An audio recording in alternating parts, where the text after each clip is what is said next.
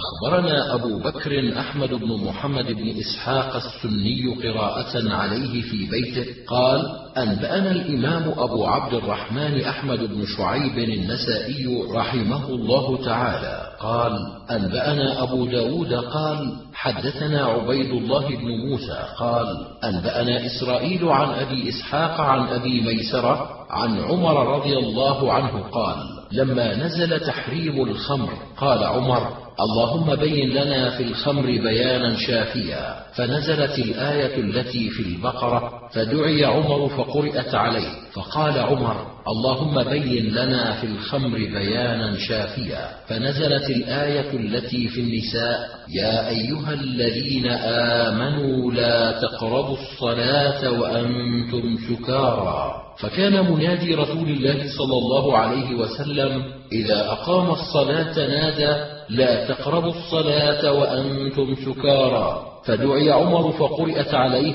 فقال اللهم بين لنا في الخمر بيانا شافيا. فنزلت الآية التي في المائدة فدعي عمر فقرئت عليه فلما بلغ فهل أنتم منتهون؟ قال عمر رضي الله عنه انتهينا انتهينا. أخبرنا سويد بن نصر قال أنبأنا عبد الله يعني ابن المبارك عن سليمان التيمي أن أنس بن مالك أخبرهم قال بين أنا قائم على الحي وأنا أصغرهم سنا على عمومتي إذ جاء رجل فقال إنها قد حرمت الخمر وأنا قائم عليهم أسقيهم من فضيح لهم فقالوا اكفأ فكفأتها فقلت لأنس ما هو؟ قال البسر والتمر. قال أبو بكر بن أنس كانت خمرهم يومئذ فلم ينكر أنس. أخبرنا سويد بن نصر قال أنبأنا عبد الله يعني ابن المبارك عن سعيد بن أبي عروبة عن قتادة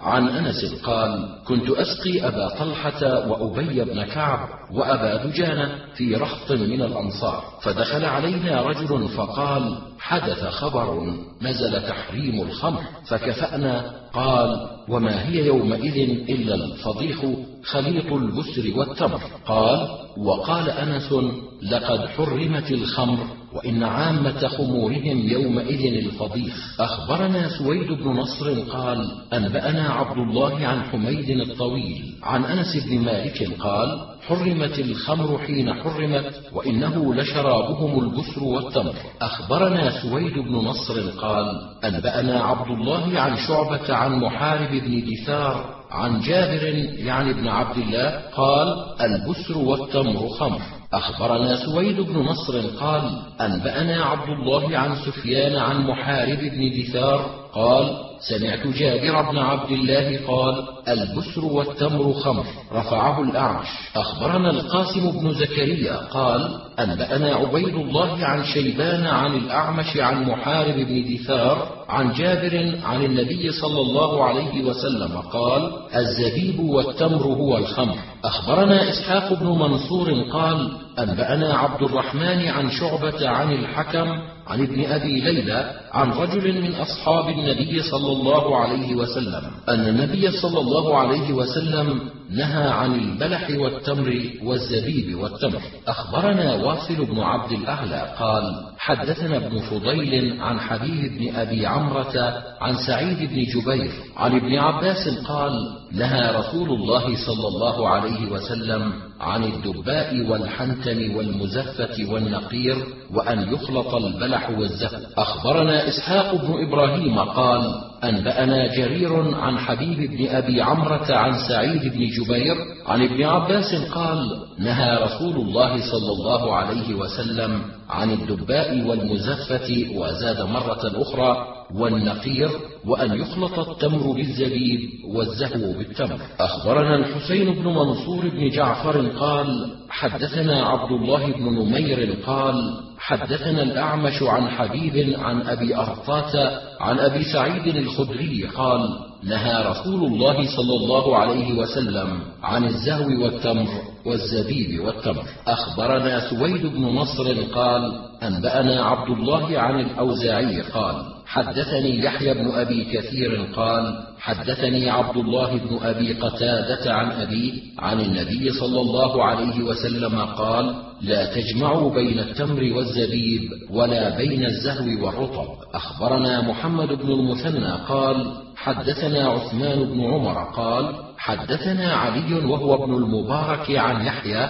عن أبي سلمة عن أبي قتادة أن رسول الله صلى الله عليه وسلم قال لا تنبذوا الزهو والرطب جميعا ولا تنبذوا الزبيب والرطب جميعا. أخبرنا أحمد بن حفص بن عبد الله قال حدثني أبي قال حدثني إبراهيم هو ابن طهمان عن عمر بن سعيد عن سليمان عن مالك بن الحارث عن أبي سعيد الخدري قال نهى رسول الله صلى الله عليه وسلم أن يخلط التمر والزبيب وأن يخلط الزهو والتمر والزعو والبسر. أخبرنا يعقوب بن إبراهيم عن يحيى وهو ابن سعيد عن ابن جريج. قال أخبرني عطاء عن جابر أن النبي صلى الله عليه وسلم نهى عن خليط التمر والزبيب والبسر والرطب. أخبرنا عمرو بن علي عن أبي داود قال حدثنا بسطام قال حدثنا مالك بن دينار عن عطاء عن جابر أن رسول الله صلى الله عليه وسلم قال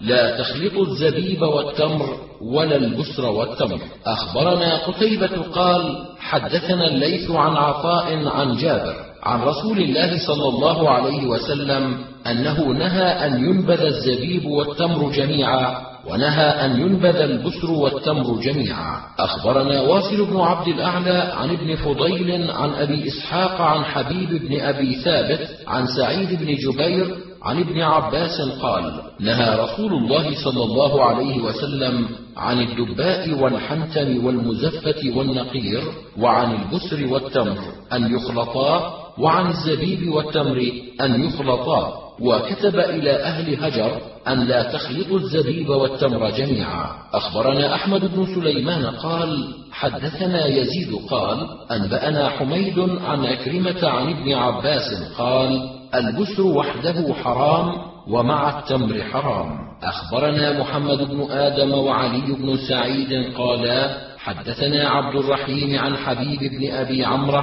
عن سعيد بن جبير عن ابن عباس قال نهى رسول الله صلى الله عليه وسلم عن خليط التمر والزبيب وعن التمر والبسر. أخبرنا قريش بن عبد الرحمن الباوردي عن علي بن الحسن قال أنبأنا الحسين بن واقد قال حدثني عمرو بن دينار قال سمعت جابر بن عبد الله يقول نهى رسول الله صلى الله عليه وسلم عن التمر والزبيب ونهى عن التمر والبسر أن ينبذا جميعا. أخبرنا سويد بن نصر قال أنبأنا عبد الله عن هشام عن يحيى بن أبي كثير عن عبد الله بن أبي قتادة عن أبيه عن النبي صلى الله عليه وسلم قال لا تنبذوا الزهو والرطب ولا تنبذوا الرطب والزبيب جميعا. أخبرنا قتيبة قال حدثنا الليث عن أبي الزبير عن جابر عن رسول الله صلى الله عليه وسلم أنه نهى أن ينبذ الزبيب والبسر جميعا ونهى أن ينبذ البسر والرطب جميعا. أخبرنا سويد بن نصر قال أنبأنا عبد الله عن وقاء بن إياس عن المختار بن فلفل عن أنس بن مالك قال نهى رسول الله صلى الله عليه وسلم أن نجمع شيئين نبيذا يبغي أحدهما على صاحبه. قال وسألته عن الفضيخ فنهاني عنه. قال كان يكره المذنب من البسر مخافة أن يكون شيئين فكنا نقطعه. أخبرنا سويد بن نصر قال أنبأنا عبد الله عن هشام بن هشام عن أبي إدريس قال شهدت أنس بن مالك أتي ببسر مذنب فجعل يقطعه منه. أخبرنا سويد قال أنبأنا عبد الله عن سعيد بن أبي عروبة قال قال قتادة كان أنس يأمر بالتذنوب فيقرض. أخبرنا سويد بن نصر قال أنبأنا عبد الله عن حميد عن أنس أنه كان لا يدع شيئا قد أرطب إلا عزله عن فضيخه أخبرنا إسماعيل بن مسعود قال حدثنا خالد يعني ابن الحارث قال حدثنا هشام عن يحيى عن عبد الله بن أبي قتادة عن أبي قتادة أن رسول الله صلى الله عليه وسلم قال لا تنبذوا الزهو والرطب جميعا ولا البسر والزبيب جميعا وانبذوا كل واحد منهما على حدته. أخبرنا يحيى بن درست قال حدثنا أبو إسماعيل قال حدثنا يحيى أن عبد الله بن أبي قتادة حدثه عن أبيه أن النبي صلى الله عليه وسلم نهى عن خليط الزهو والتمر وخليط البسر والتمر وقال لتنبذوا كل واحد منهما على حدة في الأسقية التي يلاث على أفواهها. أخبرنا سويد بن نصر قال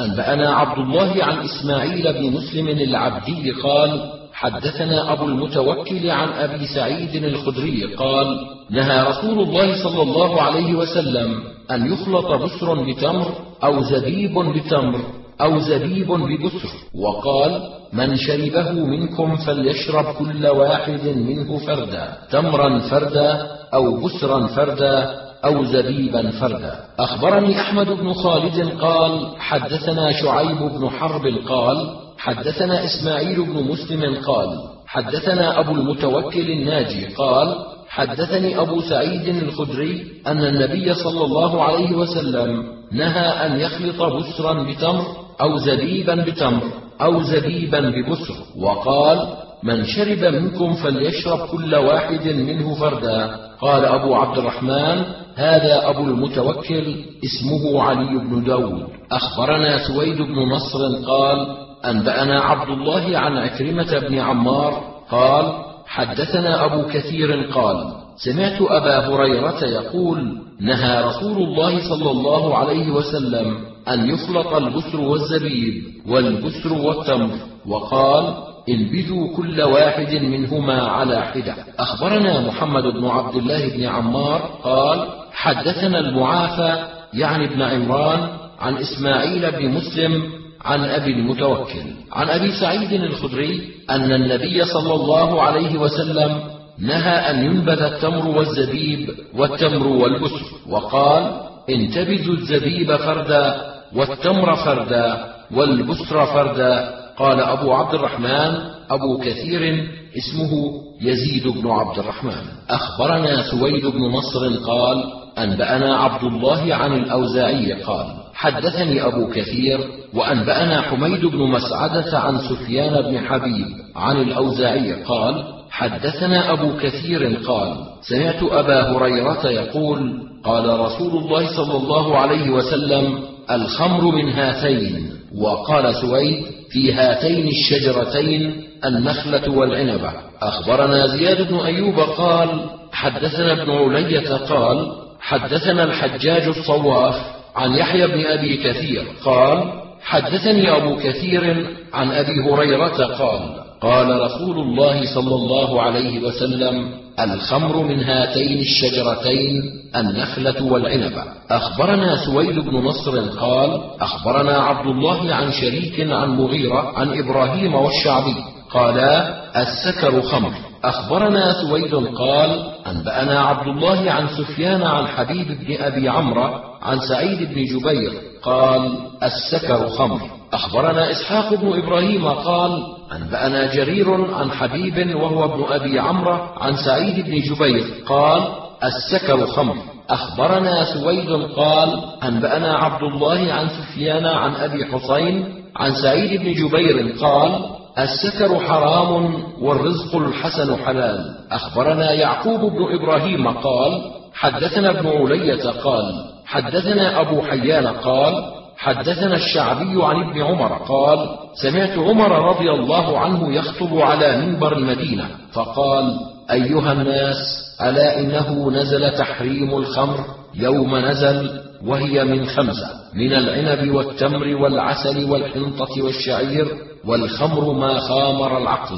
أخبرنا محمد بن العلاء قال أنبأنا ابن إدريس عن زكريا وأبي حيان عن الشعبي عن ابن عمر قال سمعت عمر بن الخطاب رضي الله عنه على منبر رسول الله صلى الله عليه وسلم يقول أما بعد فإن الخمر نزل تحريمها وهي من خمسة من العنب والحنطة والشعير والتمر والعسل. أخبرنا أحمد بن سليمان قال حدثنا عبيد الله عن إسرائيل عن أبي حصين عن عامر عن ابن عمر قال الخمر من خمسة من التمر والحنطة والشعير والعسل والعنب.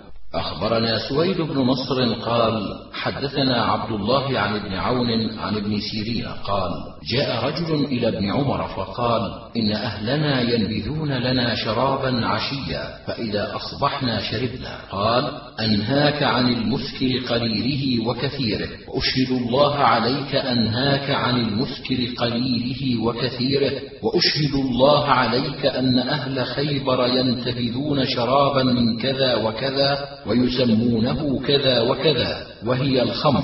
وإن أهل فدك ينتبذون شرابا من كذا وكذا يسمونه كذا وكذا وهي الخمر حتى عد أشربة أربعة. أحدها العسل. أخبرنا سويد بن نصر قال أخبرنا عبد الله عن حماد بن زيد قال حدثنا أيوب عن نافع عن ابن عمر عن النبي صلى الله عليه وسلم قال كل مسكر حرام وكل مسكر خمر. أخبرنا الحسين بن منصور بن جعفر قال حدثنا أحمد بن حنبل قال حدثنا عبد الرحمن بن مهدي قال حدثنا حماد بن زيد عن أيوب عن نافع عن ابن عمر قال قال رسول الله صلى الله عليه وسلم كل مسكر حرام وكل مسكر خمر. قال الحسين قال أحمد وهذا حديث صحيح. أخبرنا يحيى بن درست قال حدثنا حماد عن أيوب عن نافع عن ابن عمر قال قال رسول الله صلى الله عليه وسلم كل مسكر خمر. أخبرنا علي بن ميمون قال حدثنا ابن أبي رواد قال حدثنا ابن جريج عن أيوب عن نافع عن ابن عمر قال قال رسول الله صلى الله عليه وسلم كل مسكر خمر وكل مسكر حرام. أخبرنا سويد قال أنبأنا عبد الله عن محمد بن عجلان عن نافع عن ابن عمر عن النبي صلى الله عليه وسلم قال كل مسكر حرام وكل مسكر خمر. أخبرنا محمد بن المثنى قال حدثنا يحيى بن سعيد عن محمد بن عمرو عن أبي سلمة عن ابن عمر عن النبي صلى الله عليه وسلم قال كل مسكر حرام. أخبرنا محمد بن المثنى قال حدثنا يحيى بن سعيد عن محمد بن عمرو عن أبي سلمة عن أبي هريرة قال قال رسول الله صلى الله عليه وسلم كل مسكر حرام. أخبرنا علي بن حجر عن إسماعيل عن محمد عن أبي سلمة عن أبي هريرة أن رسول الله صلى الله عليه وسلم نهى أن ينبذ في الدباء والمزفة والنقير والحنتم وكل مسكر حرام. أخبرنا أبو داود قال حدثنا محمد بن سليمان قال حدثنا ابن زبر عن القاسم بن محمد عن عائشة عن النبي صلى الله عليه وسلم قال لا تنبذوا في الدباء والمزفة ولا النقير وكل مسكر حرام. أخبرنا إسحاق بن إبراهيم وقتيبة عن سفيان عن الزهري عن أبي سلمة عن عائشة قالت قال رسول الله صلى الله عليه وسلم كل شراب أسكر فهو حرام. قال قتيبة عن النبي صلى الله عليه وسلم أخبرنا قتيبة عن مالك وأنبأنا سويد بن نصر قال أنبأنا عبد الله عن مالك عن ابن شهاب عن أبي سلمة عن عائشة رضي الله عنها أن رسول الله صلى الله عليه وسلم سئل عن البتر فقال كل شراب أسكر حرام اللفظ لسويد. أخبرنا سويد قال أنبأنا عبد الله عن معمر عن الزهري عن أبي سلمة عن عائشة رضي الله عنها أن رسول الله صلى الله عليه وسلم سئل عن البتع فقال كل شراب أسكر فهو حرام والبتع من العسل. أخبرنا علي بن ميمون قال حدثنا بشر بن السري عن عبد الرزاق عن معمر عن الزهري عن أبي سلمة عن عائشة رضي الله عنها أن رسول الله صلى الله عليه وسلم سئل عن البتع فقال كل شراب أسكر فهو حرام. والبتع هو نبيذ العسل. أخبرنا أحمد بن عبد الله بن سويد بن منجوف وعبد الله بن الهيثم عن أبي داود عن شعبة عن سعيد بن أبي بردة عن أبيه عن أبي موسى قال قال رسول الله صلى الله عليه وسلم كل مسكر حرام. أخبرنا أحمد بن عبد الله بن علي قال حدثنا عبد الرحمن عن إسرائيل عن أبي إسحاق عن أبي بردة عن أبيه قال بعثني رسول الله صلى الله عليه وسلم أنا ومعاذ إلى اليمن. فقال معاذ إنك تبعثنا إلى أرض كثير شراب أهلها فما أشرب؟ قال اشرب ولا تشرب مسكرا. أخبرنا يحيى بن موسى البلخي قال حدثنا أبو داود قال حدثنا حريش بن سليم قال حدثنا طلحة الأيامي عن أبي بردة عن أبي موسى قال قال رسول الله صلى الله عليه وسلم كل مسكر حرام. أخبرنا سويد قال أنبأنا عبد الله قال أنبأنا الأسود بن شيبان السدوسي قال سمعت عطاء سأله رجل فقال إنا نركب أسفارا. فتبرز لنا الأشربة في الأسواق لا ندري أوعيتها. فقال كل مسكر حرام. فذهب يعيد فقال كل مسكر حرام. فذهب يعيد فقال هو ما أقول لك. أخبرنا سويد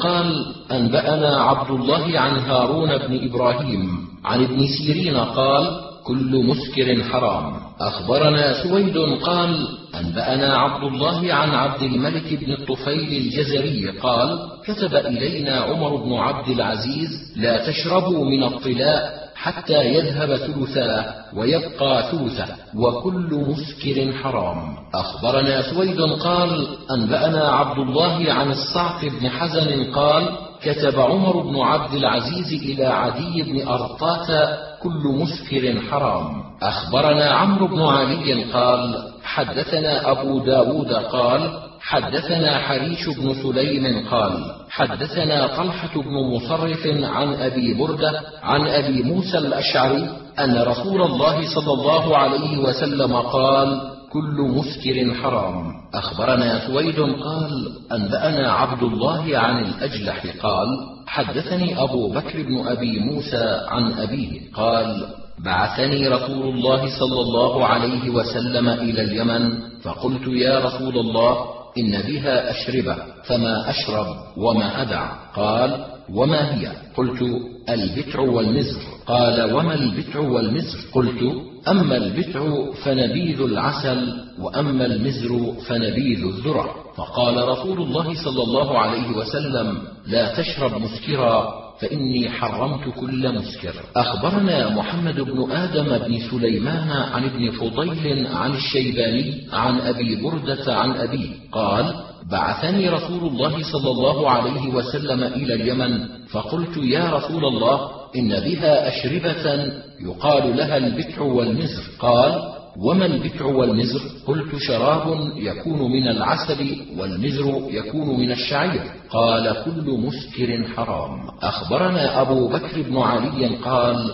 حدثنا نصر بن علي قال أخبرني أبي قال حدثني إبراهيم بن نافع عن ابن طاووس عن أبيه عن ابن عمر قال خطب رسول الله صلى الله عليه وسلم فذكر آية الخمر فقال رجل يا رسول الله أرأيت المزر؟ قال وما المزر؟ قال حبة تصنع باليمن؟ فقال تسكر؟ قال نعم. قال كل مسكر حرام. أخبرنا قتيبة قال حدثنا أبو عوانة عن أبي الجويرية قال سمعت ابن عباس وسئل فقيل له أفتنا في الباذق؟ فقال سبق محمد الباذق وما أسكر فهو حرام. أخبرنا عبيد الله بن سعيد قال حدثنا يحيى يعني ابن سعيد عن عبيد الله قال حدثنا عمرو بن شعيب عن أبيه عن جده عن النبي صلى الله عليه وسلم قال ما أسكر كثيره فقليله حرام. أخبرنا حميد بن مخلد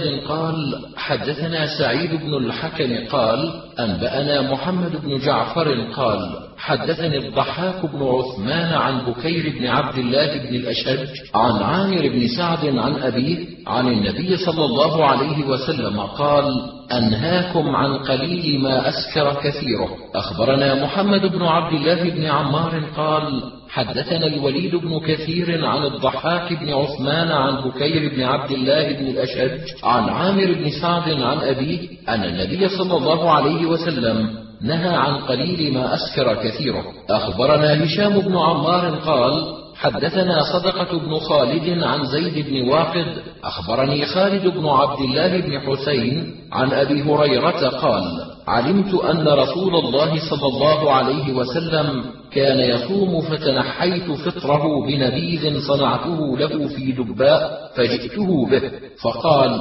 أدنه فأدنيته منه. فإذا هو ينش فقال اضرب بهذا الحائط فإن هذا شراب من لا يؤمن بالله واليوم الآخر. قال أبو عبد الرحمن وفي هذا دليل على تحريم السكر قليله وكثيره وليس كما يقول المخادعون لأنفسهم بتحريمهم آخر الشربة وتحليلهم ما تقدمها الذي يشرب في الفرق قبلها ولا خلاف بين أهل العلم أن السكر بكليته لا يحدث على الشربة الآخرة دون الأولى والثانية بعدها وبالله التوفيق. أخبرنا محمد بن عبد الله بن المبارك قال حدثنا يحيى بن آدم قال حدثنا عمار بن رزيق عن أبي إسحاق عن صعصعة بن سوحان عن علي كرم الله وجهه قال نهاني النبي صلى الله عليه وسلم عن حلقة الذهب والقسي والميثرة والجعة. أخبرنا قتيبة قال حدثنا عبد الواحد عن إسماعيل وهو ابن سميع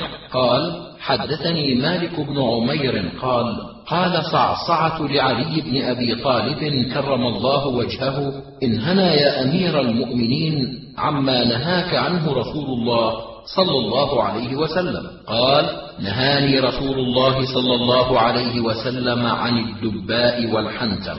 أخبرنا قتيبة قال حدثنا أبو عوانة عن أبي الزبير عن جابر أن النبي صلى الله عليه وسلم كان ينبذ له في تور من حجارة. أخبرنا سويد بن نصر قال أنبأنا عبد الله عن سليمان التيمي عن طاووس قال قال رجل لابن عمر أنهى رسول الله صلى الله عليه وسلم عن نبيذ الجر؟ قال نعم. قال طاووس والله إني سمعته منه. أخبرني هارون بن زيد بن يزيد بن أبي الزرقاء قال حدثني أبي. قال حدثنا شعبة عن سليمان التيمي وإبراهيم بن ميسرة. قالا سمعنا طاووسا يقول جاء رجل إلى ابن عمر. قال أنهى رسول الله صلى الله عليه وسلم عن نبيذ الجر قال نعم. زاد إبراهيم في حديثه والدباء أخبرنا سويد قال حدثنا عبد الله عن عيينة بن عبد الرحمن عن أبيه قال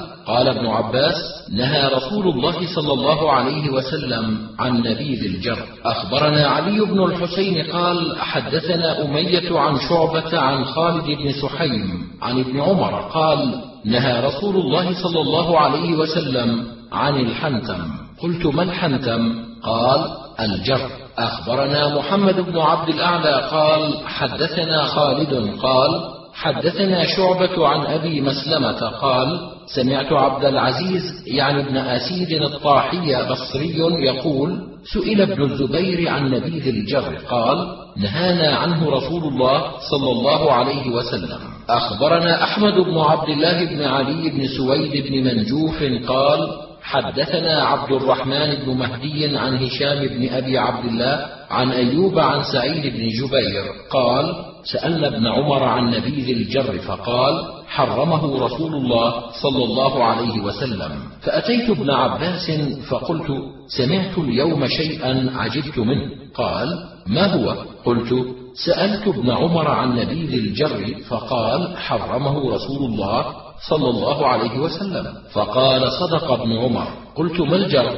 قال كل شيء من مدر. أخبرنا عمرو بن زرارة أنبأنا إسماعيل عن أيوب عن رجل عن سعيد بن جبير قال كنت عند ابن عمر فسئل عن مبيذ الجر فقال حرمه رسول الله صلى الله عليه وسلم وشق علي لما سمعته فأتيت ابن عباس فقلت إن ابن عمر سئل عن شيء فجعلت أعظمه. قال ما هو؟ قلت سئل عن نبيذ الجر فقال صدق حرمه رسول الله صلى الله عليه وسلم. قلت وما الجر؟ قال كل شيء صنع من مدر. أخبرنا محمود بن غيلان قال حدثنا أبو داود قال أنبأنا شعبة عن الشيباني قال سمعت ابن أبي أوفى يقول نهى رسول الله صلى الله عليه وسلم عن نبيذ الجر الأخضر. قلت فالأبيض؟ قال لا أدري. أخبرنا أبو عبد الرحمن قال أنبأنا محمد بن منصور قال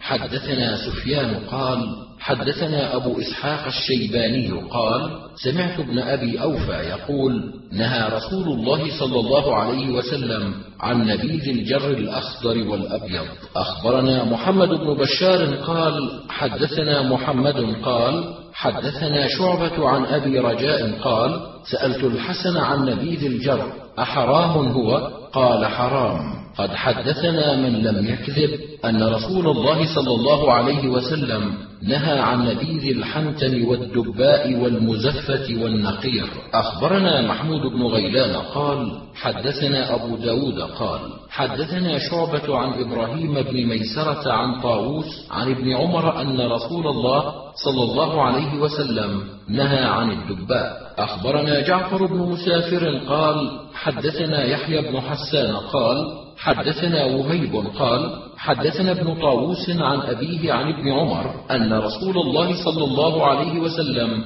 نهى عن الدباء. أخبرنا محمد بن المثنى قال حدثنا يحيى بن سعيد قال حدثنا سفيان عن منصور وحماد وسليمان عن إبراهيم عن الأسود عن عائشة قالت نهى رسول الله صلى الله عليه وسلم عن الدباء والمزفت. أخبرنا محمد بن بشار قال حدثنا يحيى عن سفيان عن سليمان عن إبراهيم التيمي عن الحارث بن سويد عن علي كرم الله وجهه عن النبي صلى الله عليه وسلم أنه نهى عن الدباء والمزفت أخبرنا محمد بن أبان قال حدثنا شبابة بن سوار قال حدثنا شعبة عن بكير بن عطاء عن عبد الرحمن بن يعمر عن النبي صلى الله عليه وسلم نهى عن الدباء والمزفت أخبرنا قتيبة قال حدثنا الليث عن ابن شهاب عن أنس بن مالك أنه أخبره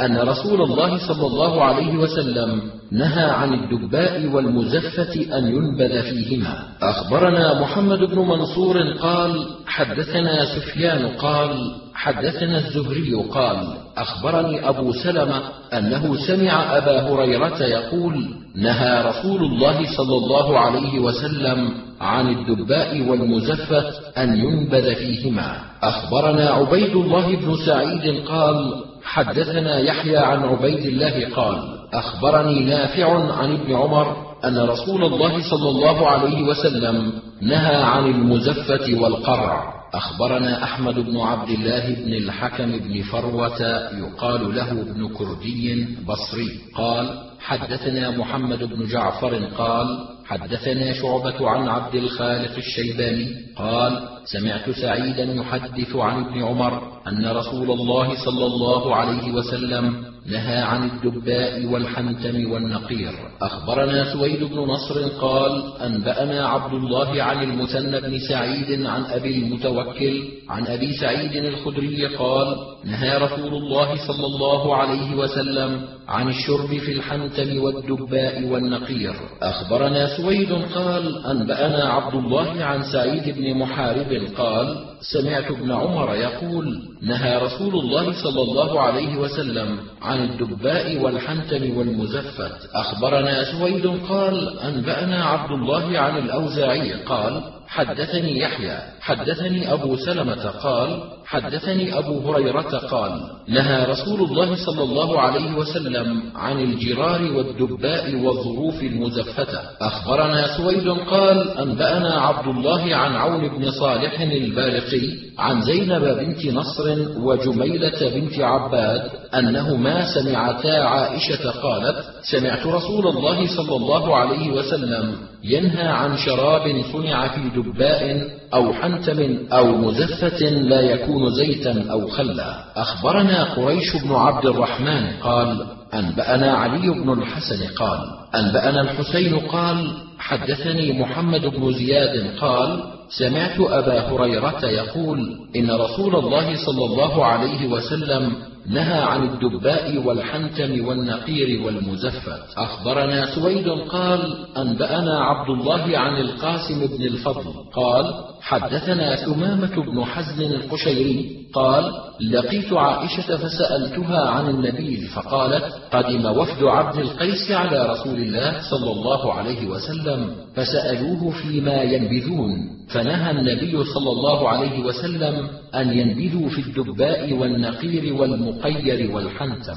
أخبرنا زياد بن أيوب قال حدثنا ابن علية قال حدثنا إسحاق بن سويد عن معاذة عن عائشة رضي الله عنها قالت نهى عن الدباء بذاته. أخبرنا محمد بن عبد الأعلى قال حدثنا المعتمر قال سمعت إسحاق وهو ابن سويد يقول حدثتني معاذة عن عائشة أن رسول الله صلى الله عليه وسلم نهى عن نبيذ النقير والمقير والدباء والحنتم في حديث ابن علية. قال إسحاق وذكرت هنيدة عن عائشة مثل حديث معاذة وسمت الجرار قلت لهنيدة أنت سمعتيها سمت الجرار؟ قالت نعم. أخبرنا سويد قال أنبأنا عبد الله عن طود بن عبد الملك القيسي بصري قال حدثني أبي عن هنيدة بنت شريك بن أبان قالت لقيت عائشة رضي الله عنها بالخريبة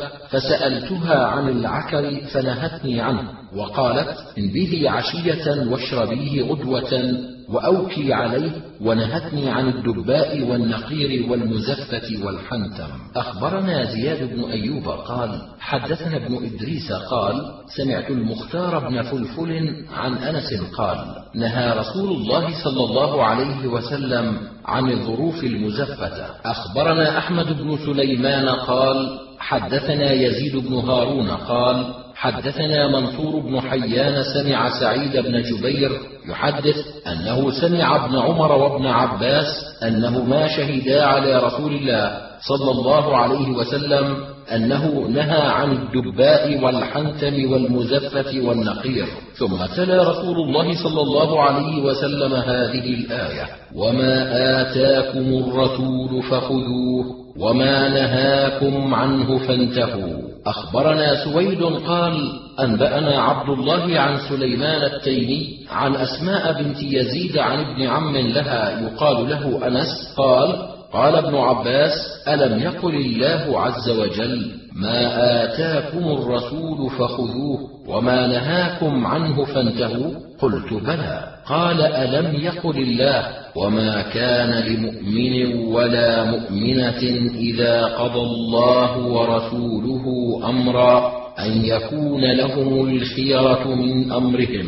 قلت بلى. قال فإني أشهد أن نبي الله صلى الله عليه وسلم نهى عن النقير والمقير والدباء والحنتم. أخبرنا عمرو بن يزيد قال حدثنا بهز بن أسد قال حدثنا شعبة قال أخبرني عمرو بن مرة قال سمعت زاذان قال سألت عبد الله بن عمر قلت حدثني بشيء سمعته من رسول الله صلى الله عليه وسلم في الأوعية وفسره. قال نهى رسول الله صلى الله عليه وسلم عن الحنتم وهو الذي تسمونه أنتم الجرة ونهى عن الدباء وهو الذي تسمونه أنتم القرع ونهى عن النقير وهي النخلة ينقرونها ونهى عن المزفة وهو المقير. أخبرنا سوار بن عبد الله بن سوار قال حدثنا عبد الوهاب بن عبد المجيد عن هشام عن محمد عن أبي هريرة قال نهى رسول الله صلى الله عليه وسلم وفد عبد القيس حين قدموا عليه عن الدباء وعن النقير وعن المزفة والمزاد والمجبوبة وقال انتبذ في سقائك أوكه واشربه حلوا.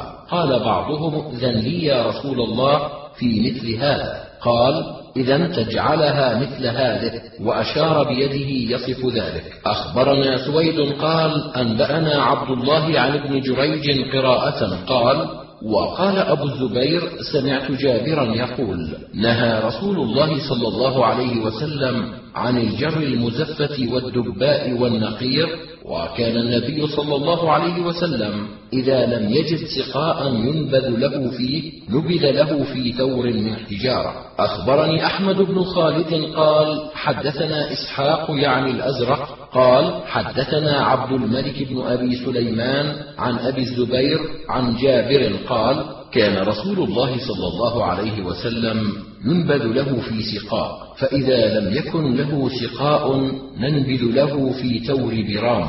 قال ونهى رسول الله صلى الله عليه وسلم عن الدباء والنقير والمزفت. أخبرنا سوار بن عبد الله بن سوار قال حدثنا خالد بن الحارث قال حدثنا عبد الملك قال حدثنا أبو الزبير عن جابر رضي الله عنه أن رسول الله صلى الله عليه وسلم نهى عن الدباء والنقير والجر والمزفت.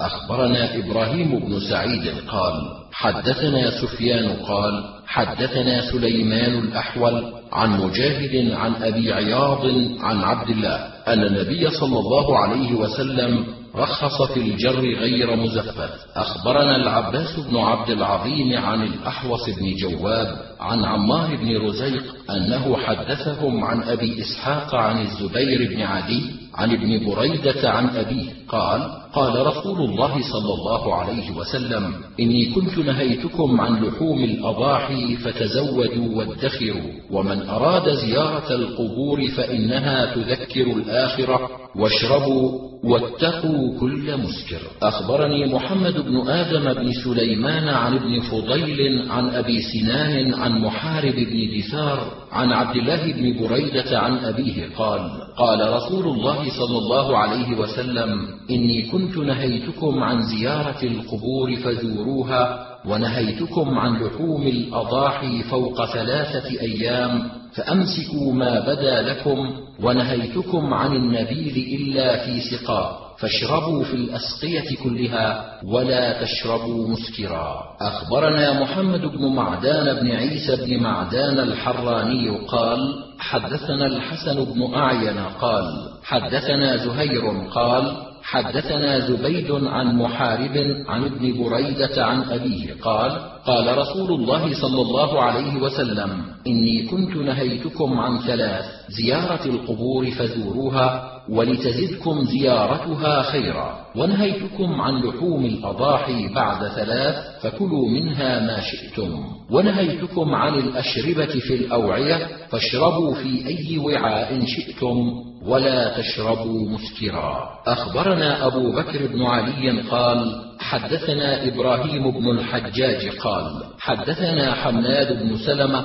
عن جابر بن أبي سليمان عن عبد الله بن بريدة عن أبيه قال قال رسول الله صلى الله عليه وسلم كنت نهيتكم عن الأوعية فانتبذوا فيما بدا لكم وإياكم وكل مسكر. أخبرنا أبو علي محمد بن يحيى بن أيوب مروزي قال حدثنا عبد الله بن عثمان قال حدثنا عيسى بن عبيد الكندي خراساني قال سمعت عبد الله بن بريدة عن أبيه أن رسول الله صلى الله عليه وسلم بين هو يسير إذ حل بقوم فسمع لهم لغطا. فقال ما هذا الصوت؟ قالوا يا نبي الله لهم شراب يشربونه. فبعث إلى القوم فدعاهم فقال في أي شيء تنتبذون؟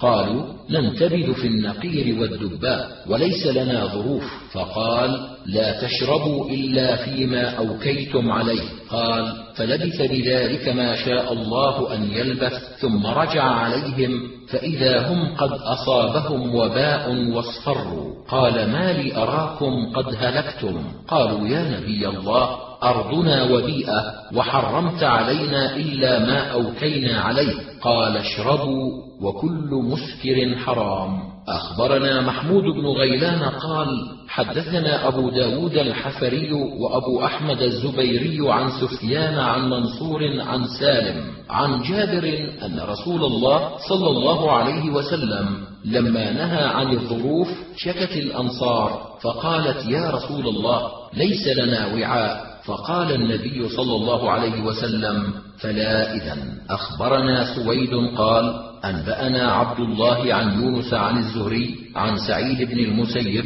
عن أبي هريرة قال أتي رسول الله صلى الله عليه وسلم ليلة أسري به بقدحين من خمر ولبن فنظر إليهما فأخذ اللبن فقال له جبريل عليه السلام الحمد لله الذي هداك للفطرة لو أخذت الخمر غوت أمتك. أخبرنا محمد بن عبد الأعلى عن خالد وهو ابن الحارث عن شعبة قال سمعت أبا بكر بن حفص يقول سمعت ابن محيريز يحدث عن رجل من أصحاب النبي صلى الله عليه وسلم. عن النبي صلى الله عليه وسلم قال يشرب ناس من أمتي الخمر يسمونها بغير اسمها. أخبرنا عيسى بن حماد قال أنبأنا الليث عن عقيل عن ابن شهاب عن أبي بكر بن عبد الرحمن بن الحارث عن أبي هريرة قال قال رسول الله صلى الله عليه وسلم لا يزني الزاني حين يزني وهو مؤمن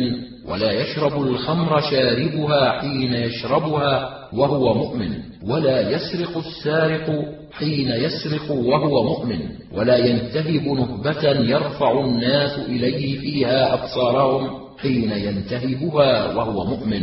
أخبرنا إسحاق بن إبراهيم قال حدثنا الوليد بن مسلم عن الأوزاعي عن الزهري قال حدثني سعيد بن المسيب وأبو سلمة بن عبد الرحمن وأبو بكر بن عبد الرحمن كلهم حدثوني عن أبي هريرة عن النبي صلى الله عليه وسلم قال لا يزني الزاني حين يزني وهو مؤمن ولا يسرق السارق حين يسرق وهو مؤمن ولا يشرب الخمر حين يشربها وهو مؤمن ولا ينتهب نهبة ذات شرف يرفع المسلمون إليه أبصارهم وهو مؤمن. أخبرنا إسحاق بن إبراهيم قال أنبأنا جرير عن مغيرة عن عبد الرحمن بن أبي نعيم عن ابن عمر ونفر من أصحاب محمد صلى الله عليه وسلم. قالوا قال رسول الله صلى الله عليه وسلم من شرب الخمر فاجلدوه ثم إن شرب فاجلدوه ثم إن شرب فاجلدوه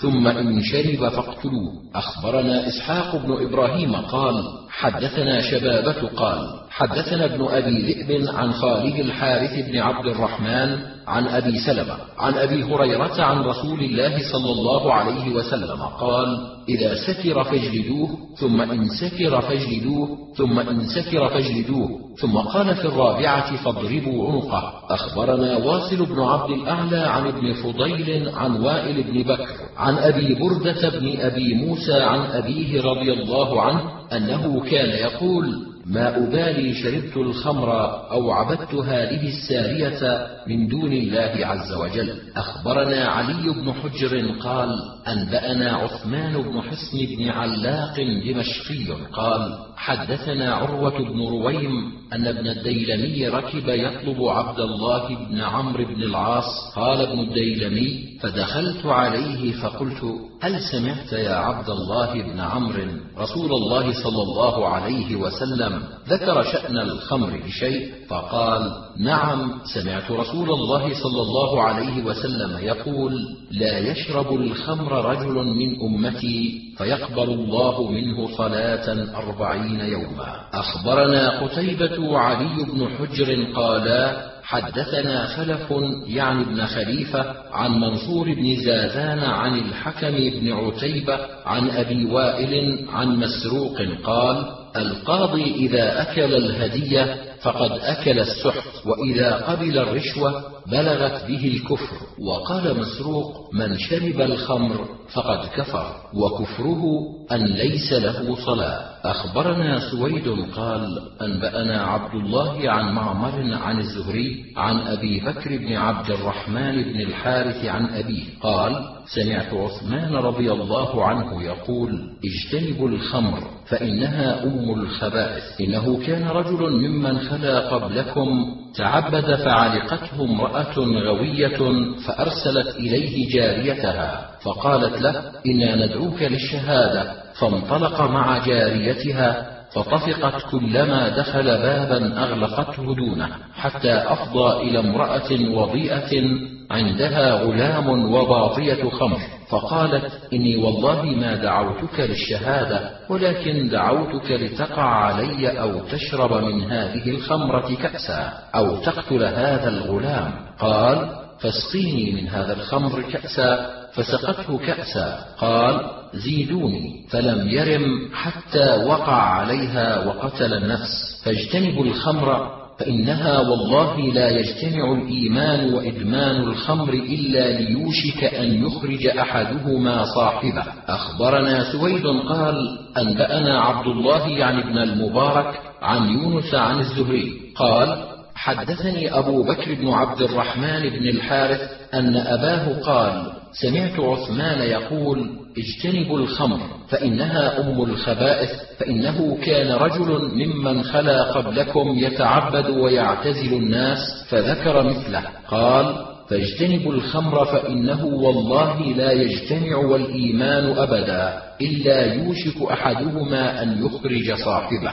أخبرنا أبو بكر بن علي قال حدثنا سريج بن يونس قال حدثنا يحيى بن عبد الملاك عن العلاء وهو ابن المسيب عن فضيل عن مجاهد عن ابن عمر قال من شرب الخمر فلم ينتشي لم تقبل له صلاة ما دام في جوفه أو عروقه منها شيء وإن مات مات كافرا وإن انتشى لم تقبل له صلاة أربعين ليلة وإن مات فيها مات كافرا. خالفه يزيد بن أبي زياد. أخبرني محمد بن آدم بن سليمان عن عبد الرحيم عن يزيد وأنبأنا واصل بن عبد الأعلى. حدثنا ابن فضيل عن يزيد بن أبي زياد عن مجاهد عن عبد الله بن عمرو عن النبي صلى الله عليه وسلم وقال محمد بن آدم عن رسول الله صلى الله عليه وسلم قال من شرب الخمر فجعلها في بطنه لم يقبل الله منه صلاة سبعا إن مات فيها. وقال ابن آدم فيهن مات كافرا. فإن أذهبت عقله عن شيء من الفرائض وقال ابن آدم القرآن لم تقبل له صلاة أربعين يوما إن مات فيها. وقال ابن آدم فيهن مات كافرا. أخبرنا القاسم بن زكريا بن دينار قال حدثنا معاوية بن عمرو حدثنا أبو إسحاق قال حدثنا الأوزاعي قال حدثني ربيعة بن يزيد وأخبرني عمرو بن عثمان بن سعيد عن بقية عن أبي عمرو وهو الأوزاعي عن ربيعة بن يزيد عن عبد الله بن الديلمي قال دخلت على عبد الله بن عمرو بن العاص وهو في حائط له بالطائف يقال له الوهط وهو مخاصر فتى من قريش يزن ذلك الفتى بشرب الخمر. فقال سمعت رسول الله صلى الله عليه وسلم يقول من شرب الخمر شربة لم تقبل له توبة أربعين صباحا فإن تاب تاب الله عليه فإن عاد لم تقبل توبته أربعين صباحا فإن تاب تاب الله عليه فإن عاد كان حقا على الله أن يسقيه من طينة الخبال يوم القيامة. اللفظ لعمر. أخبرنا قتيبة عن مالك والحارث بن مسكين قراءة عليه وأنا أسمع واللفظ له. عن ابن القاسم قال حدثني مالك عن نافع عن ابن عمر أن رسول الله صلى الله عليه وسلم قال من شرب الخمر في الدنيا ثم لم يتب منها حرمها في الآخرة. أخبرنا محمد بن بشار عن محمد قال حدثنا شعبة عن منصور عن سالم بن أبي الجعد عن نبيط عن جابان عن عبد الله بن عمرو عن النبي صلى الله عليه وسلم قال لا يدخل الجنة منان ولا عاق ولا مدمن خمر. أخبرنا سويد قال أنبأنا عبد الله عن حماد بن زيد قال حدثنا أيوب عن نافع عن ابن عمر عن النبي صلى الله عليه وسلم قال من شرب الخمر في الدنيا فمات وهو يدمنها لم يتب منها لم يشربها في الآخرة. أخبرنا يحيى بن درست قال حدثنا حماد عن أيوب عن نافع عن ابن عمر رضي الله عنهما قال قال رسول الله صلى الله عليه وسلم من شرب الخمر في الدنيا فمات وهو يدمنها لم يشربها في الآخرة. أخبرنا سويد قال أنبأنا عبد الله عن الحسن بن يحيى عن الضحاك قال من مات مدمنا للخمر نضح في وجهه بالحميم حين يفارق الدنيا. أخبرنا زكريا بن يحيى قال حدثنا عبد الأعلى بن حماد قال حدثنا معتمر بن سليمان قال حدثني عبد الرزاق عن معمر عن الزهري عن سعيد بن المسيب قال غرب عمر رضي الله عنه ربيعة بن أمية في الخمر إلى خيبر فلحق بهرقل فتنصر فقال عمر رضي الله عنه لا أغرب بعده مسلما. أخبرنا هناد بن السري عن أبي الأحوص عن سماك عن القاسم بن عبد الرحمن عن أبيه عن أبي بردة بن نيار قال قال رسول الله صلى الله عليه وسلم اشربوا في الظروف ولا تسكروا. قال أبو عبد الرحمن وهذا حديث منكر غلط فيه أبو الأحوص سلام بن سليم لا نعلم أن أحدا تابعه عليه من أصحاب سماك بن حرب وسماك ليس بالقوي وكان يقبل التلقين. قال أحمد بن حنبل كان أبو الأحوص يخطئ في هذا الحديث. خالفه شريك في إسناده وفي لفظه. أخبرنا محمد بن إسماعيل قال حدثنا يزيد قال أنبأنا شريك عن سماك بن حرب عن ابن بريدة عن أبيه أن رسول الله صلى الله عليه وسلم نهى عن الدباء والحنتم والنقير والمزفت خالفه أبو عوانة. أخبرنا أبو بكر بن علي قال أنبأنا إبراهيم بن حجاج قال حدثنا أبو عوانة عن سماك عن قرصافة امرأة منهم عن عائشة قالت اشربوا ولا تسكروا. قال أبو عبد الرحمن وهذا أيضا غير ثابت وقرصافة هذه لا ندري من هي والمشهور عن عائشة خلاف ما روت عنها قرصافة. أخبرنا سويد بن نصر قال أخبرنا عبد الله عن قدامة العامري أن جسرة بنت دجاجة العامرية حدثته قالت سمعت عائشة سألها أناس كلهم يسأل عن النبيذ يقول ننبذ التمر غدوة ونشربه عشيا وننبذه عشيا ونشربه غدوة.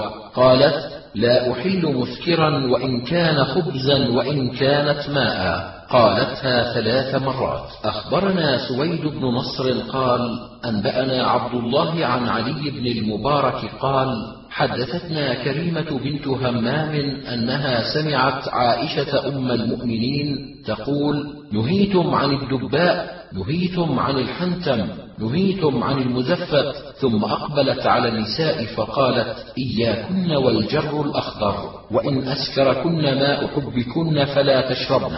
أخبرنا إسماعيل بن مسعود قال حدثنا خالد قال حدثنا أبان بن صمعة قال حدثتني والدتي عن عائشة أنها سئلت عن الأشربة فقالت كان رسول الله صلى الله عليه وسلم ينهى عن كل مسكر واعتلوا بحديث عبد الله بن شداد عن عبد الله بن عباس. أخبرنا أبو بكر بن علي قال أنبأنا القواريري قال حدثنا عبد الوارث قال سمعت ابن شبرمة يذكره عن عبد الله بن شداد بن الهاد عن ابن عباس قال حرمت الخمر قليلها وكثيرها والسكر من كل شراب ابن شبرمة لم يسمعه من عبد الله بن شداد. أخبرنا أبو بكر بن علي قال حدثنا سريج بن يونس قال حدثنا هشيم عن ابن شبرمة قال حدثني الثقة عن عبد الله بن شداد عن ابن عباس قال حرمت الخمر بعينها قليلها وكثيرها والسكر من كل شراب. خالفه أبو عون محمد بن عبيد الله الثقفي. أخبرنا محمد بن عبد الله بن الحكم قال حدثنا محمد وأنبأنا الحسين بن منصور قال حدثنا أحمد بن حنبل قال حدثنا محمد بن جعفر قال حدثنا شعبة عن مسعر عن أبي عون عن عبد الله بن شداد عن ابن عباس قال حرمت الخمر بعينها قليلها وكثيرها والسكر من كل شراب. لم يذكر ابن الحكم قليلها وكثيرها. أخبرنا الحسين بن منصور قال حدثنا أحمد بن حنبل قال حدثنا إبراهيم بن أبي العباس قال حدثنا شريك عن عباس بن زريح عن أبي عون عن عبد الله بن شداد عن ابن عباس قال حرمت الخمر قليلها وكثيرها وما أسكر من كل شراب. قال أبو عبد الرحمن وهذا أولى بالصواب من حديث ابن شبرمة وهشيم بن بشير كان يدلس وليس في حديثه ذكر السماع من ابن شبرمة ورواية أبي عون أشبه بما رواه الثقات عن ابن عباس. أخبرنا قتيبة عن سفيان عن أبي الجويرية الجرمي قال سألت ابن عباس وهو مسند ظهره إلى الكعبة عن الباذق فقال سبق محمد الباذق وما أسكر فهو حرام. قال أنا أول العرب سأله. أخبرنا إسحاق بن إبراهيم قال أنبأنا أبو عامر والنضر بن شميل ووهب بن جرير قالوا حدثنا شعبة عن سلمة بن كهيل قال سمعت أبا الحكم يحدث قال ابن عباس من سره أن يحرم إن كان محرما ما حرم الله ورسوله فليحرم النبيذ أخبرنا سويد بن نصر قال أنبأنا عبد الله عن عيينة بن عبد الرحمن عن أبيه قال قال رجل لابن عباس إن امرئ من أهل خراسان وإن أرضنا أرض باردة وإنا نتخذ شرابا نشربه من الزبيب والعنب وغيره. وقد أشكل عليه فذكر له ضروبا من الأشربة فأكثر حتى ظننت أنه لم يفهم. فقال له ابن عباس إنك قد أكثرت علي اجتنب ما أسكر من تمر أو زبيب أو غيره. أخبرنا أبو بكر بن علي قال حدثنا القواريري قال حدثنا حماد قال حدثنا أيوب عن سعيد بن جبير عن ابن عباس قال نبيذ البسر بحت لا يحل أخبرنا محمد بن بشار قال حدثنا محمد قال حدثنا شعبة عن أبي جمرة قال كنت أترجم بين ابن عباس وبين الناس فأتته امرأة تسأله عن نبيذ الجر فنهى عنه.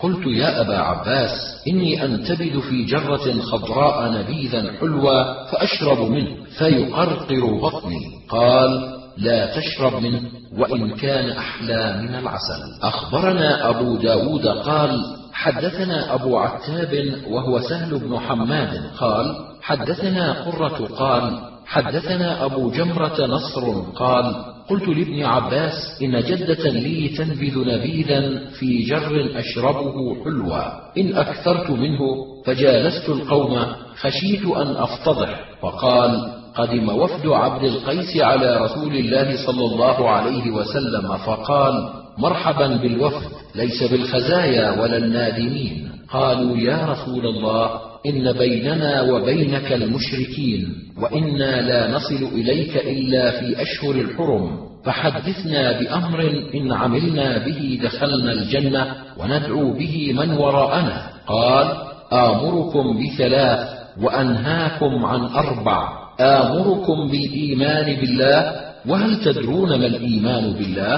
قالوا الله ورسوله أعلم. قال شهادة أن لا إله إلا الله وإقام الصلاة وإيتاء الزكاة وأن تعطوا من الغنائم الخمس وأنهاكم عن أربع عما ينبذ في الدباء والنقير والحنتم والمزفت. أخبرنا سويد قال أنبأنا عبد الله عن سليمان التيمي عن قيس بن وهبان قال سألت ابن عباس قلت إن لي جريرة أنتبذ فيها حتى إذا غلا وسكن شربته. قال مذ كم هذا شرابك؟ قلت مذ عشرون سنة. أو قال مذ أربعون سنة. قال طالما تروت عروقك من الخبث. ومما اعتلوا به حديث عبد الملك بن نافع عن عبد الله بن عمر. أخبرنا زياد بن أيوب قال حدثنا هشيم قال أنبأنا العوام عن عبد الملك بن نافع قال قال ابن عمر رأيت رجلا جاء إلى رسول الله صلى الله عليه وسلم بقدح فيه نبيذ وهو عند الركن ودفع إليه القدح فرفعه إلى فيه فوجده شديدا فرده على صاحبه فقال له رجل من القوم يا رسول الله أحرام هو؟ فقال علي بالرجل فأتي به فأخذ منه القدح ثم دعا بماء فصبه فيه فرفعه إلى فيه فقطب ثم دعا بماء أيضا فصبه فيه ثم قال إذا اغتلمت عليكم هذه الأوعية فاكسروا متونها بالماء. وأخبرنا زياد بن أيوب عن أبي معاوية قال حدثنا أبو إسحاق الشيباني عن عبد الملك بن نافع عن ابن عمر عن النبي صلى الله عليه وسلم بنحوه. قال أبو عبد الرحمن عبد الملك بن نافع ليس بالمشهور ولا يحتج بحديثه والمشهور عن ابن عمر خلاف حكايته. أخبرنا سويد بن نصر قال أنبأنا عبد الله عن أبي عوانة عن زيد بن جبير عن ابن عمر أن رجلا سأل عن الأشربة فقال اجتنب كل شيء ينش. أخبرنا قتيبة قال أنبأنا أبو عوانة عن زيد بن جبير قال سألت ابن عمر عن الأشربة فقال اجتنب كل شيء ينش. أخبرنا سويد قال أنبأنا عبد الله عن سليمان التيمي عن محمد بن سيرين عن ابن عمر قال المسكر قليله وكثيره حرام. قال الحارث بن مسكين قراءة عليه وأنا أسمع عن ابن القاسم أخبرني مالك عن نافع عن ابن عمر قال كل مسكر خمر وكل مسكر حرام. أخبرنا محمد بن عبد الأعلى قال حدثنا المعتمر قال سمعت شبيبا وهو ابن عبد الملك يقول حدثني مقاتل بن حيان عن سالم بن عبد الله عن أبيه عن رسول الله صلى الله عليه وسلم قال حرم الله الخمر وكل مسكر حرام. أخبرنا الحسين بن منصور يعني ابن جعفر النيسابوري قال حدثنا يزيد بن هارون قال أنبأنا محمد بن عمرو عن أبي سلمة عن ابن عمر قال قال رسول الله صلى الله عليه وسلم كل مسكر حرام. وكل مسكر خمر. قال أبو عبد الرحمن وهؤلاء أهل الثبت والعدالة مشهورون بصحة النقل وعبد الملك لا يقوم مقام واحد منهم ولو عاضده من أشكاله جماعة وبالله التوفيق. أخبرنا سويد قال أنبأنا عبد الله عن عبيد الله بن عمر السعيدي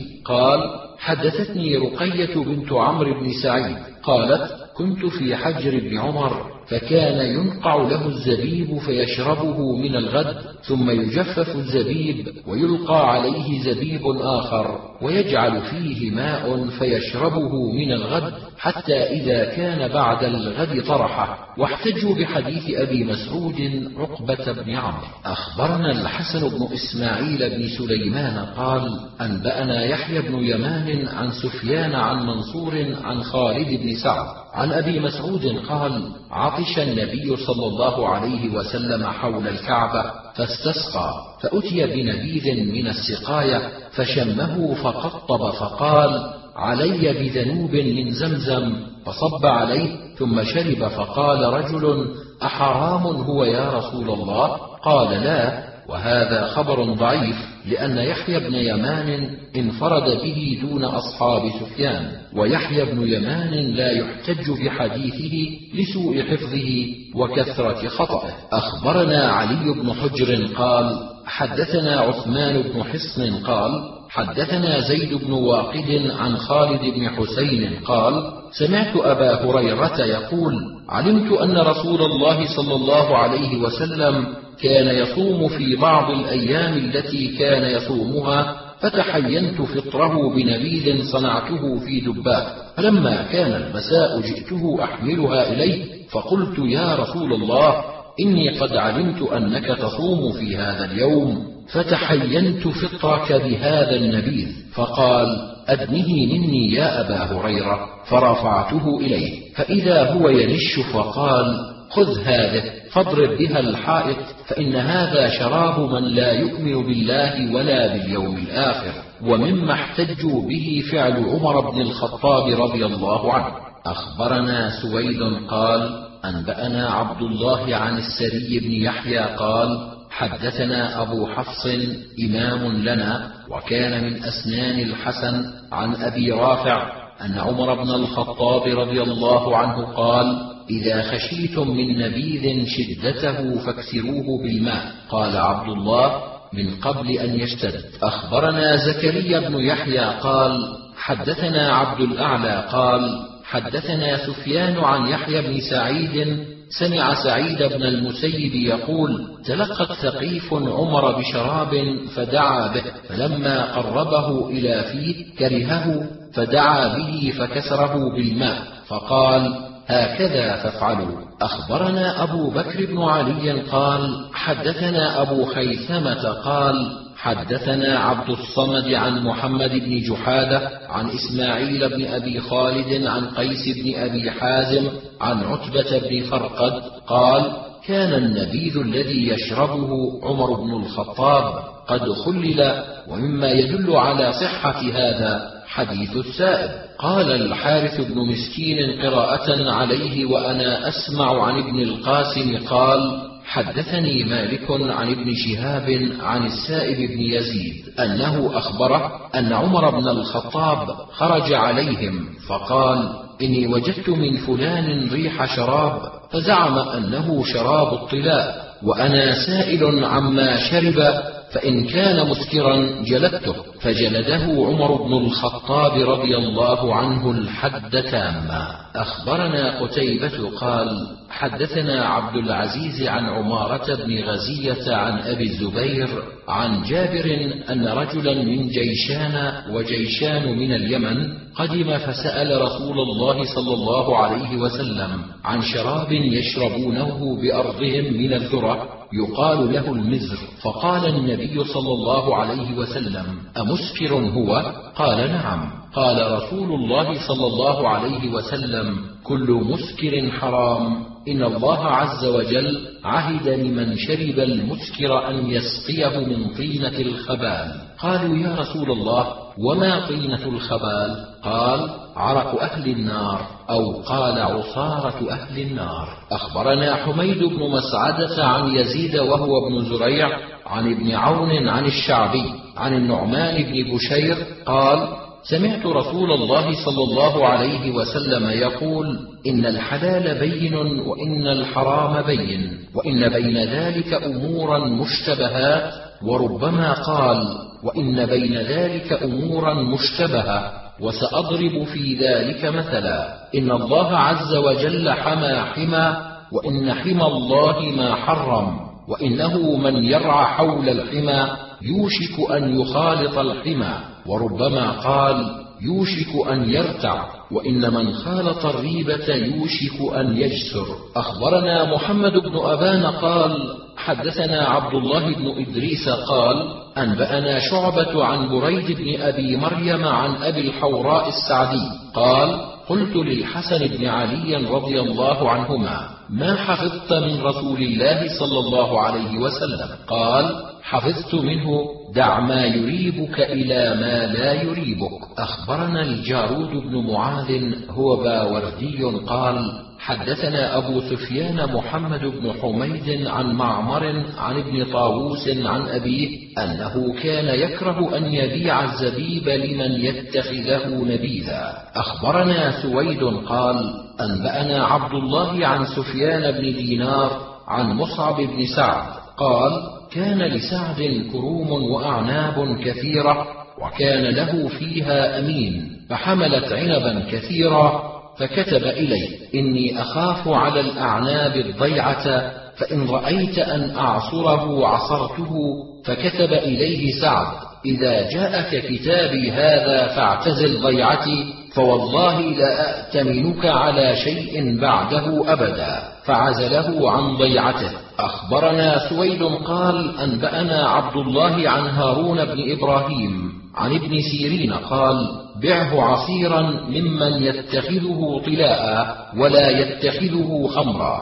أخبرنا محمد بن عبد الأعلى قال حدثنا المعتمر قال سمعت منصورا عن إبراهيم عن نباتة عن سويد بن غفلة قال كتب عمر بن الخطاب إلى بعض عماله أن ارزق المسلمين من الطلاء ما ذهب ثلثاه وبقي ثلثه. أخبرنا سويد قال أنبأنا عبد الله عن سليمان التيمي عن أبي مجلز عن عامر بن عبد الله أنه قال قرأت كتاب عمر بن الخطاب إلى أبي موسى. أما بعد فإنها قدمت علي عير من الشام تحمل شرابا غليظا أسود كطلاء الإبل وإني سألتهم على كم يطبخونه فأخبروني أنهم يطبخونه على الثلثين ذهب ثلثاه الأخبثان ثلث ببغيه وثلث بريحه فمر من قبلك يشربونه.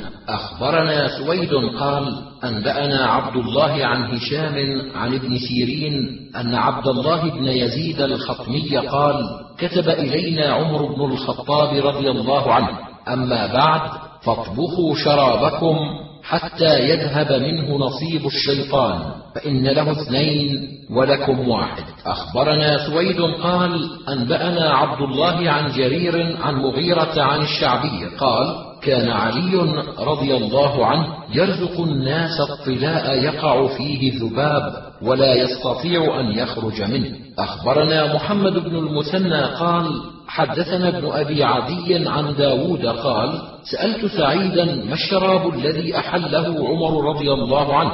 قال الذي يطبخ حتى يذهب ثلثاه ويبقى ثلثه. أخبرنا زكريا بن يحيى قال حدثنا عبد الأعلى قال حدثنا حماد بن سلمة عن داود عن سعيد بن المسيب أن أبا الدرداء كان يشرب ما ذهب ثلثاه وبقي ثلثه. أخبرنا سويد قال أنبأنا عبد الله عن هشيم قال أنبأنا إسماعيل بن أبي خالد عن قيس بن أبي حازم عن أبي موسى الأشعري أنه كان يشرب من الطلاء ما ذهب ثلثاه وبقي ثلثه. أخبرنا سويد قال أنبأنا عبد الله عن سفيان عن يعلى بن عطاء. قال سمعت سعيد بن المسيب وسأله أعرابي عن شراب يطبخ على النصف فقال لا حتى يذهب ثلثاه ويبقى الثلث. أخبرنا أحمد بن خالد عن معن قال حدثنا معاوية بن صالح عن يحيى بن سعيد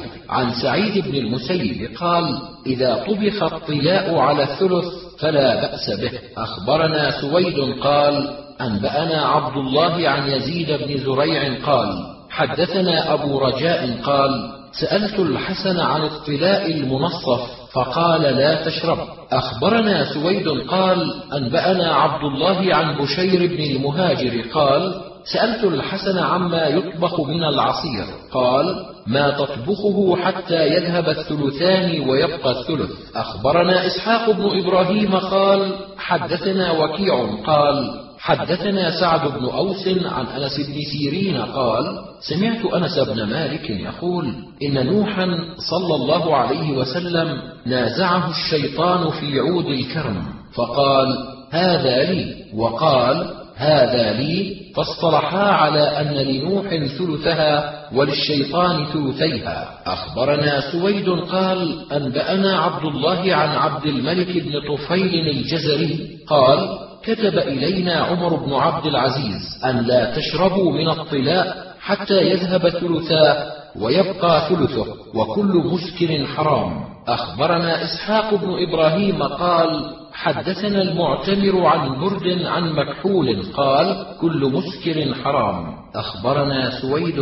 قال أنبأنا عبد الله عن أبي يعفور السلمي عن أبي ثابت الثعلبي قال كنت عند ابن عباس فجاءه رجل فسأله عن العصير فقال اشربه ما كان طريا. قال إني طبخت شرابا وفي نفسي منه. قال أكنت شاربه قبل أن تطبخه قال لا. قال فإن النار لا تحل شيئا قد حرم. أخبرنا سويد قال أنبأنا عبد الله عن ابن جريج قراءة أخبرني عطاء. قال سمعت ابن عباس يقول والله ما تحل النار شيئا ولا تحرمه. قال ثم فسر لي قوله لا تحل شيئا لقولهم في الطلاء ولا تحرمه.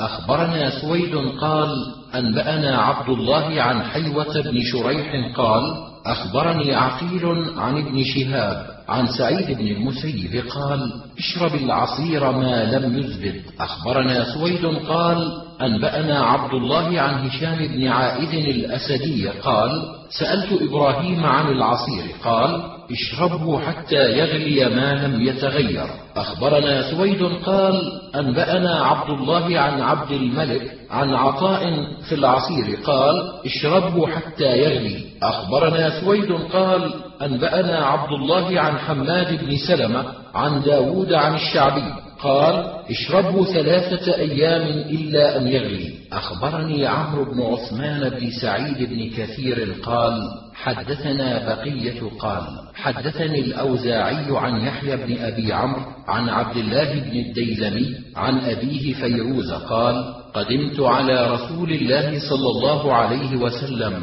فقلت يا رسول الله أنا أصحاب كرم وقد أنزل الله عز وجل تحريم الخمر.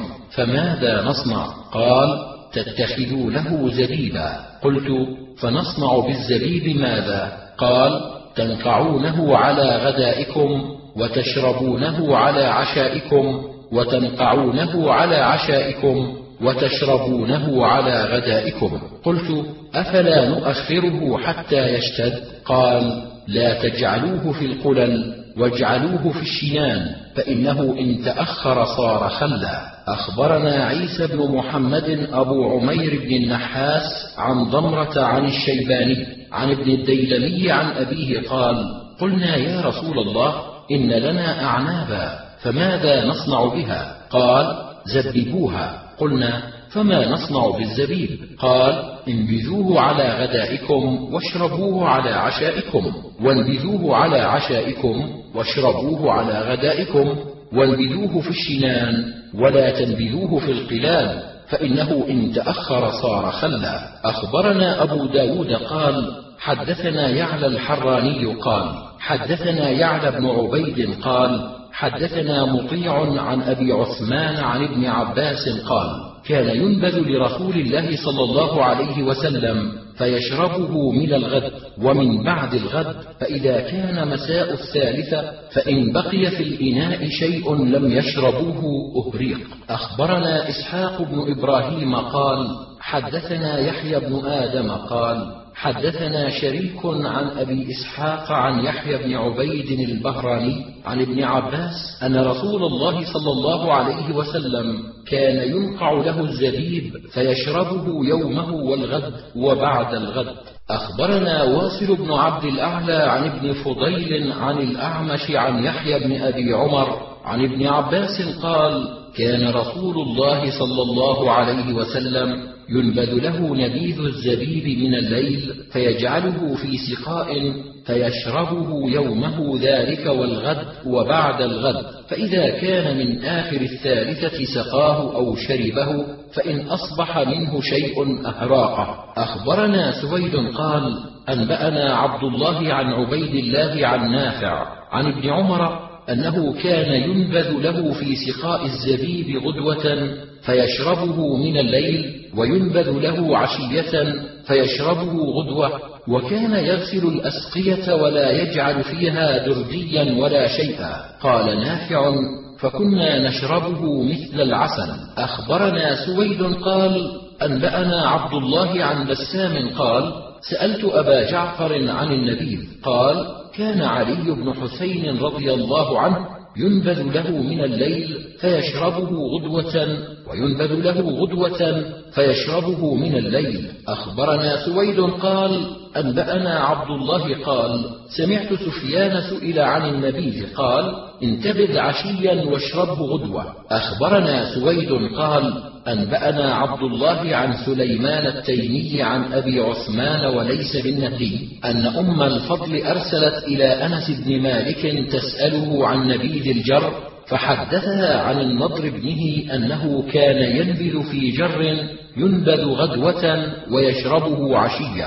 أخبرنا سويد قال أنبأنا عبد الله عن معمر عن قتادة عن سعيد بن المسيب أنه كان يكره أن يجعل نطل النبيذ في النبيذ ليشتد بالنطل أخبرنا سويد قال أنبأنا عبد الله عن سفيان عن داود بن أبي هند عن سعيد بن المسيب أنه قال في النبيذ خمره درديه أخبرنا سويد قال أنبأنا عبد الله عن شعبة عن قتادة عن سعيد بن المسيب قال إنما سميت الخمر لأنها تركت حتى مضى صفها وبقي كدرها وكان يكره كل شيء ينبذ على عكر أخبرنا أبو بكر بن علي قال حدثنا القواريري قال حدثنا ابن أبي زائدة قال حدثنا حسن بن عمرو عن فضيل بن عمرو عن إبراهيم قال كانوا يرون أن من شرب شرابا فسكر منه لم يصلح له أن يعود فيه. أخبرنا سويد قال أنبأنا عبد الله عن سفيان عن مغيرة عن أبي معشر عن إبراهيم قال لا بأس بنبيذ البختج. أخبرنا سويد قال أنبأنا عبد الله عن أبي عوانة عن أبي مسكين قال سألت إبراهيم قلت إنا نأخذ دردي الخمر أو الطلاء. فننظفه ثم ننقع فيه الزبيب ثلاثا ثم نصفيه ثم ندعه حتى يبلغ فنشربه. قال يكره. أخبرنا إسحاق بن إبراهيم قال أنبأنا جرير عن ابن شبرمة قال رحم الله إبراهيم شدد الناس في النبيذ ورخص فيه. حدثنا عبيد الله بن سعيد عن أبي أسامة قال سمعت ابن المبارك يقول ما وجدت الرخصة في المسكر عند أحد صحيحا إلا عن إبراهيم. أخبرنا عبيد الله بن سعيد قال سمعت أبا أسامة يقول ما رأيت رجلا أطلب للعلم من عبد الله بن المبارك الشامات ومصر واليمن والحجاز. أخبرنا الربيع بن سليمان قال حدثنا أسد بن موسى قال حدثنا حماد بن سلمة عن ثابت عن أنس رضي الله عنه قال كان لأم سليم قدح من عيدان فقالت سقيت فيه رسول الله صلى الله عليه وسلم كل الشراب الماء والعسل واللبن والنبيذ. أخبرنا سويد قال أنبأنا عبد الله عن سفيان عن سلمة بن كهيل عن ذر بن عبد الله عن سعيد بن عبد الرحمن بن أبزة عن أبيه قال سألت أبي بن كعب عن النبيذ فقال اشرب الماء واشرب العسل واشرب السويق واشرب اللبن الذي نجعت به. فعاودته فقال الخمر تريد الخمر تريد. أخبرني أحمد بن علي بن سعيد بن إبراهيم قال حدثنا القواريري قال حدثنا معتمر بن سليمان عن أبيه عن محمد عن عبيدة عن ابن مسعود قال أحدث الناس أشربة ما أدري ما هي فما لي شراب منذ عشرين سنة. أو قال أربعين سنة إلا الماء والسويق غير أنه لم يذكر النبيذ أخبرنا سويد قال أنبأنا عبد الله عن ابن عون عن محمد بن سيرين عن عبيدة قال أحدث الناس أشربة ما أدري ما هي وما لي شراب منذ عشرين سنة إلا الماء واللبن والعسل. أخبرنا إسحاق بن إبراهيم قال أنبأنا جرير عن ابن شبرمة قال قال طلحة لأهل الكوفة في النبيذ فتنة يربو فيها الصغير ويهرم فيها الكبير. قال وكان إذا كان فيهم عرس كان طلحة وزبير يسقيان اللبن والعسل فقيل لطلحة ألا تسقيهم النبيذ؟ قال إني أكره أن يسكر مسلم في سببي أخبرنا إسحاق بن إبراهيم قال أنبأنا جرير قال كان ابن شبرمة لا يشرب إلا الماء واللبن.